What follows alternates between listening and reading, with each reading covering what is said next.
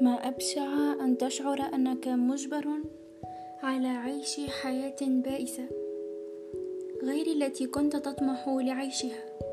ما أبشع الخوض في معامع الحياة حياة لم تكن تتخيل يوما أنك ستكون الشخصية الرئيسية فيها.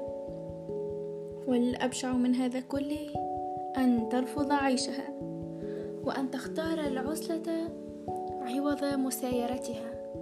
ولكن هل تعلم؟ حتى عزلتك بشعة. لم تكن عزلتك ذات معنى فأنت مجبر على ملاقاة مئات الأشخاص يوميا. والخوض في حوارات بائسة معهم. ولو كان بيدك لخنقت حناجرهم التي يتجرؤون على إخراج كلمات وعبارات منها كانت أشبه بسكاكين تذبح أحلامك. وتريق دماء طموحاتك أرضا وأين هذه الأخيرة؟ أين صارت أحلامك التي لطالما صدحت بها؟ أين أنت اليوم من طموحاتك تلك؟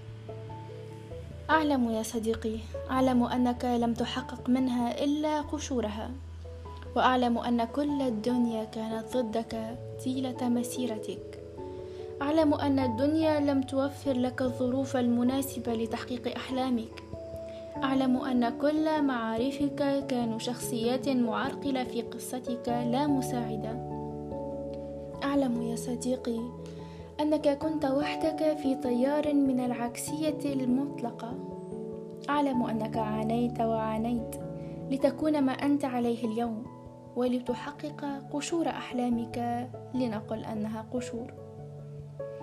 أعلم أنك سهرت لآخر هزيع الليل وأنت تفكر كيف ستعيش في عالم غير عالمك. أعلم كم من الصعب أن تكون من لا تريد أن تكون. أعلم أيضا يا حبيبي أن لا شيء مهم لديك بعدما خسرت دنياك دنياك التي لطالما حلمت بها. أعلم أن الحظ قد خذلك وأن لا قدرة لك على مجاراة الحظ.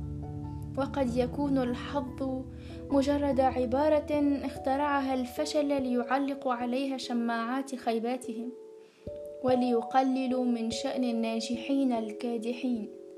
وقد يكون الحظ مجرد ساعي بريد من السماء كما عبر عليه محمود درويش يأتي لينصر أناسا ويقصف بآخرين.